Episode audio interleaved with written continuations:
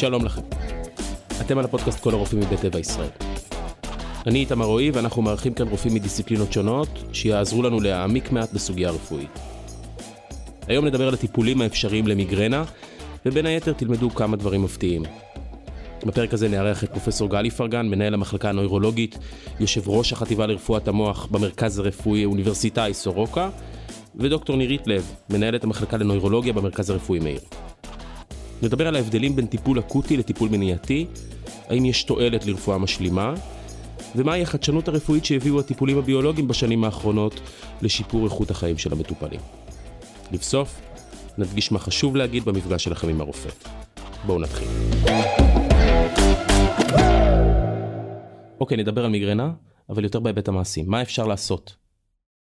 אוקיי, okay. אז מבחינת הטיפול במיגרנה, בעצם יש כאן שני נדבכים מרכזיים. הנדבך הראשון זה איך מפסיקים לעזאזל את כאב הראש הזה, וזה הטיפול האקוטי. Uh, כשגם כאן יש לנו... היקף מאוד מאוד נרחב של תרופות מקבוצות שונות, אה, שמנגנוני הפעולה שלהם שונים. צריך, מאוד חשוב להתאים את הטיפול לבן אדם שנמצא מולנו, לכל אחד מאיתנו יש את הרגישויות אה, שלו. יש אנשים למשל שהמיגרנות שלהם מלוות בהקאות, ואז כשאנחנו נותנים להם כדור והם בעצם מקיאים, הם לא יודעים אם הם בעצם ספגו את הכדור או שהוא יצא יחד עם ההקה. ואז אולי כדאי לחשוב על אפשרויות אחרות לתת את הטיפול. אה, מבחינת קבוצות של תרופות, אז כמובן יש את התרופות שנמכרות אה, over the counter, אה, אבל כאן חשוב גם לקחת את המינון הנכון לחולי מיגרנה, והוא לא תמיד המינון שנמכר באופן טבעי בבית המרקחת, לפעמים צריך מינונים אחרים. מאוד נפוצים גם קומבו דרג שבכל מדינה נמכרים תחת שם אחר, שזה איזשהו משלב תרופתי שהרבה פעמים מכיל אה, או קפאין או קודאין, ואנחנו יודעים שיש להם יעילות גבוהה בחולים מיגרנוטיים. אבל שוב, אני מאוד רוצה לסייג את זה שהטיפול האקוטי להתקף המיגרנה, גם הוא צריך להילקח בזהירות הנכונה.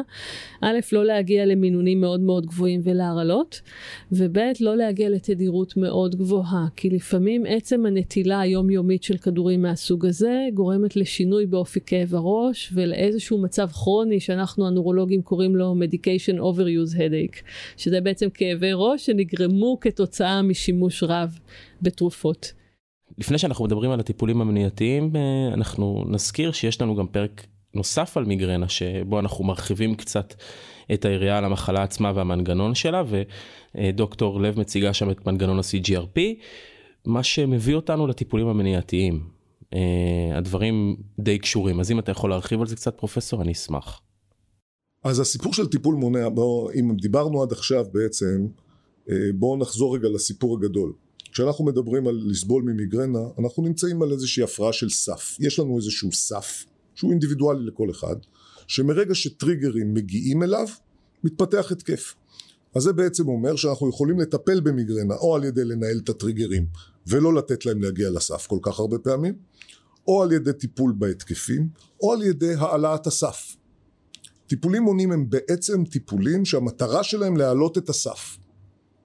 ואז יהיו לנו, מטבע הדברים, פחות התקפים. אמת. אה, וכאן יש לנו ארסנל רחב של טיפולים. מי צריך להתעסק בזה? השאלה הראשונה היא מי צריך טיפול מונע. גם יש טיפולי דור ישן ויש... יש כל מיני טיפולים אבל מי צריך בכלל טיפול מונע? מי צריך? אז קודם כל צריך את זה מי שיש לו הרבה התקפים. אנחנו מדברים בגדול מהרגע שלבן אדם יש ארבעה ימים בחודש עם מיגרנה ומעלה הוא צריך לשקול מאוד מאוד ברצינות להשתמש בטיפול כלומר מונע. כלומר ארבעה ימים זה המפתח. ארבעה ימים בחודש, יום בשבוע בערך, זה הכלל אצבע כאן.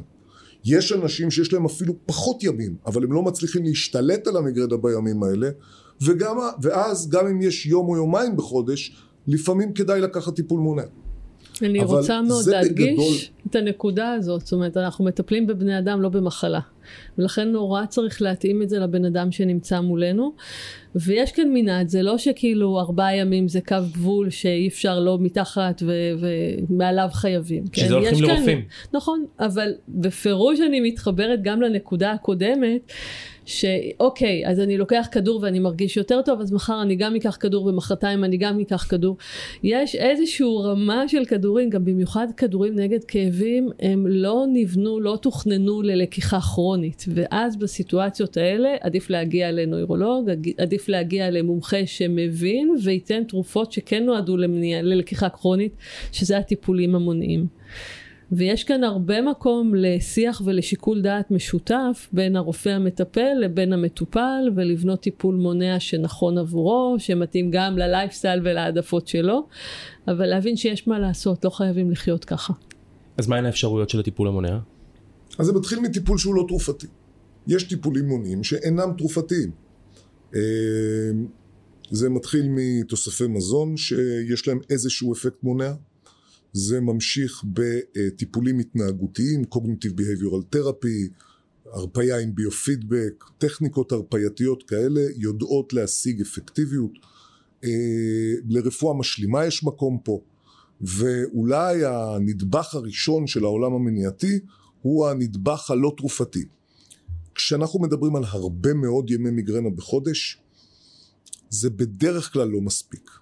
זה בדרך כלל לא מספיק ואנחנו מדלגים על זה, אבל כשאנחנו גבוליים על הארבעה ימים הזה, זה לא נורא, אפשר לנסות וזה בהחלט לגיטימי, ויש אנשים שמעדיפים להתחיל בלנסות את זה. ואז אנחנו מדברים על טיפולים תרופתיים. טיפולים תרופתיים, אנחנו באופן קלאסי השתמשנו בשלוש קבוצות של תרופות שלא הומצאו לטיפול במיגרנה, אבל אה, עם השנים גילינו שהן גם יעילות לטיפול במיגרנה. בגדול זה שלוש קבוצות, קבוצה אחת זה תרופות שבמקור היו תרופות ליתר לחץ דם, קבוצה שנייה זה תרופות שבמקור שלהם היו תרופות נוגדות דיכאון, לא כל תרופות נוגדות הדיכאון, אבל חלקן, והקבוצה השלישית זה תרופות שבמקור הומצאו לטיפול באפילפסיה. שלושת הקב... בשלושת הקבוצות האלה יש נציגים שיודעים גם לעבוד כטיפול מונע במיגרנה, והרבה מאוד שנים זה כל מה שהיה לנו, ובזה השתמשנו, יש להם יעילות טובה מאוד אה, לחלק מהאנשים, אה, יש להם גם פוטנציאל לתופעות לוואי לחלק מהאנשים, והן צריכות להיות מותאמות לאדם. יכול להיות שמישהו יגיב לאחת, לא יגיב לשנייה, יעשה תופעות לוואי מאחת, לא יעשה תופעות לוואי מהשנייה, אבל אלה בעצם הטיפולים התרופתיים הקלאסיים בטיפול מונע במיגרנה. הרובד החדש יותר הוא של תרופות שעובדות על אותה מולקולה שדוקטור לב דיברה עליה, על אותו CGRP, ששם אנחנו מדברים היום בעיקר על טיפולים ביולוגיים, זה בעצם נוגדנים כנגד המערכת הזאת, ובאופק נמצאים טיפולים תרופתיים במולקולות קטנות, בכדורים, שגם כן עובדים נגד אה, אותה מולקולה, כלומר באותו, באותו היגיון טיפולי. הרבדים האלה של הטיפול בעצם מותאמים מאדם לאדם. אין נוסחת קסם, אין כדור אדום, זריקה כחולה, שנותנים אותה למישהו והכל עובר לו. יש... חבל. חבל מאוד, חבל מאוד. ומצד שני, גם דוקטור לב ואני צריכים להתפרנס. אמת. אה, זה, אבל יש פה עניין של התאמה ואופטימיזציה של הטיפול, ויש פה תהליך. שבו מייצרים חבילה טיפולית, חבילה טיפולית שכוללת בתוכה את אחד, את ההתנהגות האישית של המטופל, שתיים, את הטיפול האקוטי, שלוש, את הטיפול המונע, כי אמנם אנחנו קוראים לזה טיפול מונע, אבל הוא לא מונע לגמרי התקפים, הוא מוריד את מספר הימים עם מיגרנה. כן, זה שיטת ניהול הסכסוך. כן. אדם מנהל את המיגרנה שלו בסוף בעזרת החבילה הזאת. כן. בעזרת ניהול החיים שלו, טיפול אקוטי וטיפול מונע, וכשהמטרה היא להגיע לרמת תפקוד ושליטה על המיגרנה. צריך סבלנות. מהבחינה הזאת, במיוחד התרופות מהדור הישן, משפיעות על מנגנונים בסיסיים שמתווכים את הכאב. זה לא תרופות שעובדות תוך מספר שעות ומפחיתות את הכאב, זה לא כמו התרופות הסימפטומטיות שעוצרות את הכאב המיגרנוטי, וצריך התמדה, צריך לקחת אותה מדי יום לאורך מספר שבועות, לרוב זה סביב חודש, כדי להתחיל לגלות את האפקטים המיטיבים. זאת אומרת, מי שלא ניסה את זה מספיק זמן, או במינון שמתאים לו, זה כאילו לא ניסה את זה בכלל. גם לגבי התרופות הביולוגיות, אם בעבר חשבנו שאנחנו צריכים לחכות חודשיים שלושה ולראות תגובה אה, וחלק מהאנשים אמרנו אין תגובה הם כנראה לא מגיבים הם נון ריספונדרס אז היום אנחנו יודעים שחלק מאוד מאוד גדול מהאנשים מגיבים גם אם זה לוקח יותר זמן ולפעמים צריך לחכות יותר חודשים. אז שוב לכל טיפול שהוא צריך א', את הסבלנות ואת ההמתנה, ב', את תיאום הציפיות הנכון, שאין לנו מקלות קסם ברפואה, ויש איזשהו תהליך שאפילו כבר הוזכר כאן, שקודם כל כאבי הראש הופכים להיות יותר ריספונסיביים, יותר מגיבים לטיפול האנלגטי. זאת אומרת, אם פעם ההתקף היה בעוצמה 10 והוא לא הגיב לכלום, אז עכשיו הוא יהיה בעוצמה 9, והוא כן יגיב לתרופות האנלגטיות, ולאט לאט עוצמות הכאבים יפחתו.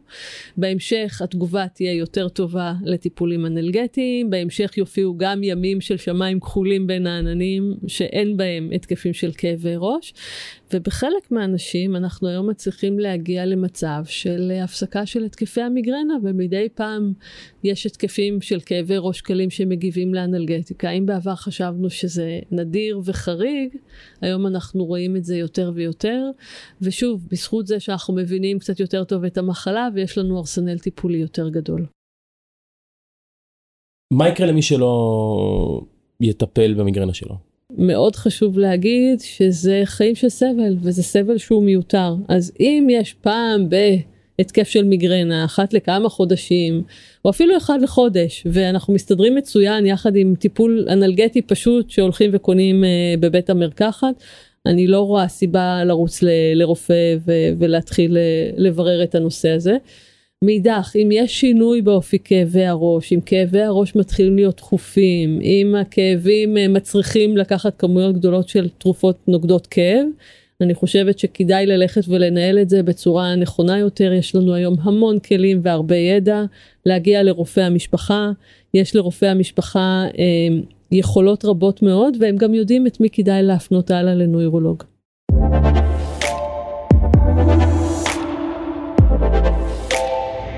אז לסיכומם של דברים, אני אגיד שאחד, יש לנו את ניהול הטריגרים אה, שלנו, רשימה נמצאת בכל מקום ואפשר אה, לעקוב אחריה על דברים שיכולים לעשות לנו בעיות, אמרת מתפוזים ועד אה, קפה, נכון? זה פחות או יותר הריינג'.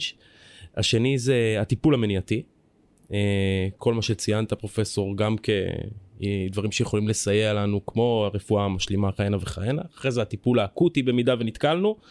אה, ויש את, אה, גם בתוך זה, יש אה, מגוון של טיפולים, גם בטיפולי הדור החדש וגם בטיפולי הדור הישן, נכון? אני צודק יותר ב... החליפה שמתאימה לכל אדם היא שונה. נקבעת על ידי רופא. נקבעת על ידי המטופל יחד עם הרופא שלו. ותנהלו יומן כאבי ראש. שזה הטיפ הכי, הכי חזק לדעתי מהתוכנית הזאת. תנהלו את המיגרנה שלכם, אל תיתנו לה לנהל אתכם. מתי להגיע לרופא? כשאתם לא מסתדרים עם כאבי הראש, כשאתם לא יודעים איך נכון לכם לחיות ואתם רוצים שמישהו יעזור לכם למצוא את זה, וכשאתם מתחילים להרגיש שאתם נכנסים לסחרור ויש המון ימי כאבי ראש ואתם מתחילים לקחת יותר מדי כדורים. שם ממש חובה להגיע לרופא כי יש מה לעשות. פרופסור גל איפרגן ודוקטור נירית לב. אנחנו היינו uh, כל הרופאים מבית טבע ישראל ותודה רבה שהאזנתם ותודה רבה לכם שהייתם איתנו.